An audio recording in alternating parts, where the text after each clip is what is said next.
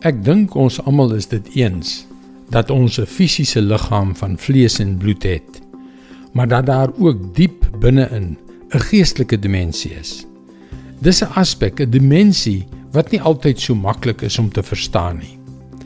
Hallo, ek is Jockey Gouchee vir Bernie Diamond en welkom weer by Vars. In hierdie lewe is ons in die eerste plek fisiese wesens en dan kom ons gedagtes en emosies by. Wanneer iemand nuut in 'n vertrek instap, oordeel ons hulle op grond van hoe hulle lyk en dan op grond van wat hulle sê en doen. Dit is die nalatenskap van Adam en Eva natuurlik. Maar as jy in Jesus glo, dan sal jou opstandingsliggaam wat vir ewig joune sal wees, 'n heel ander vorm hê. 1 Korintiërs 15 vers 44 tot 50. 'n Natuurlike liggaam word gesaai, 'n geestelike liggaam word opgewek.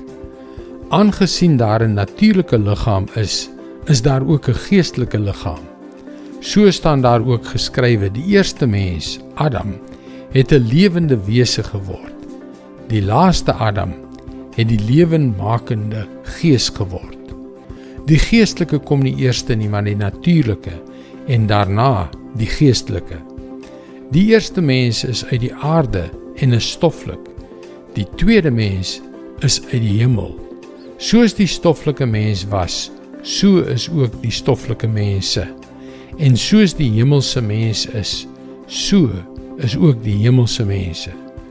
Soos ons die beeld van die stoffelike mens was, sal ons ook die beeld van die hemelse wees.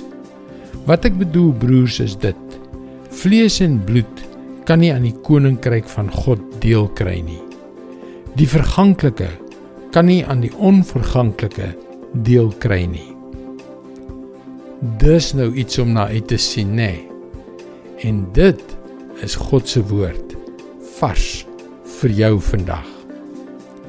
Jy kan ook daagliks boodskappe soos hierdie per e-pos ontvang gaan na ons webwerf varsvandag.co.za en teken in. Luister weer môre op dieselfde tyd op jou gunstelingstasie na nog 'n vars boodskap. Seënwense en mooi loop.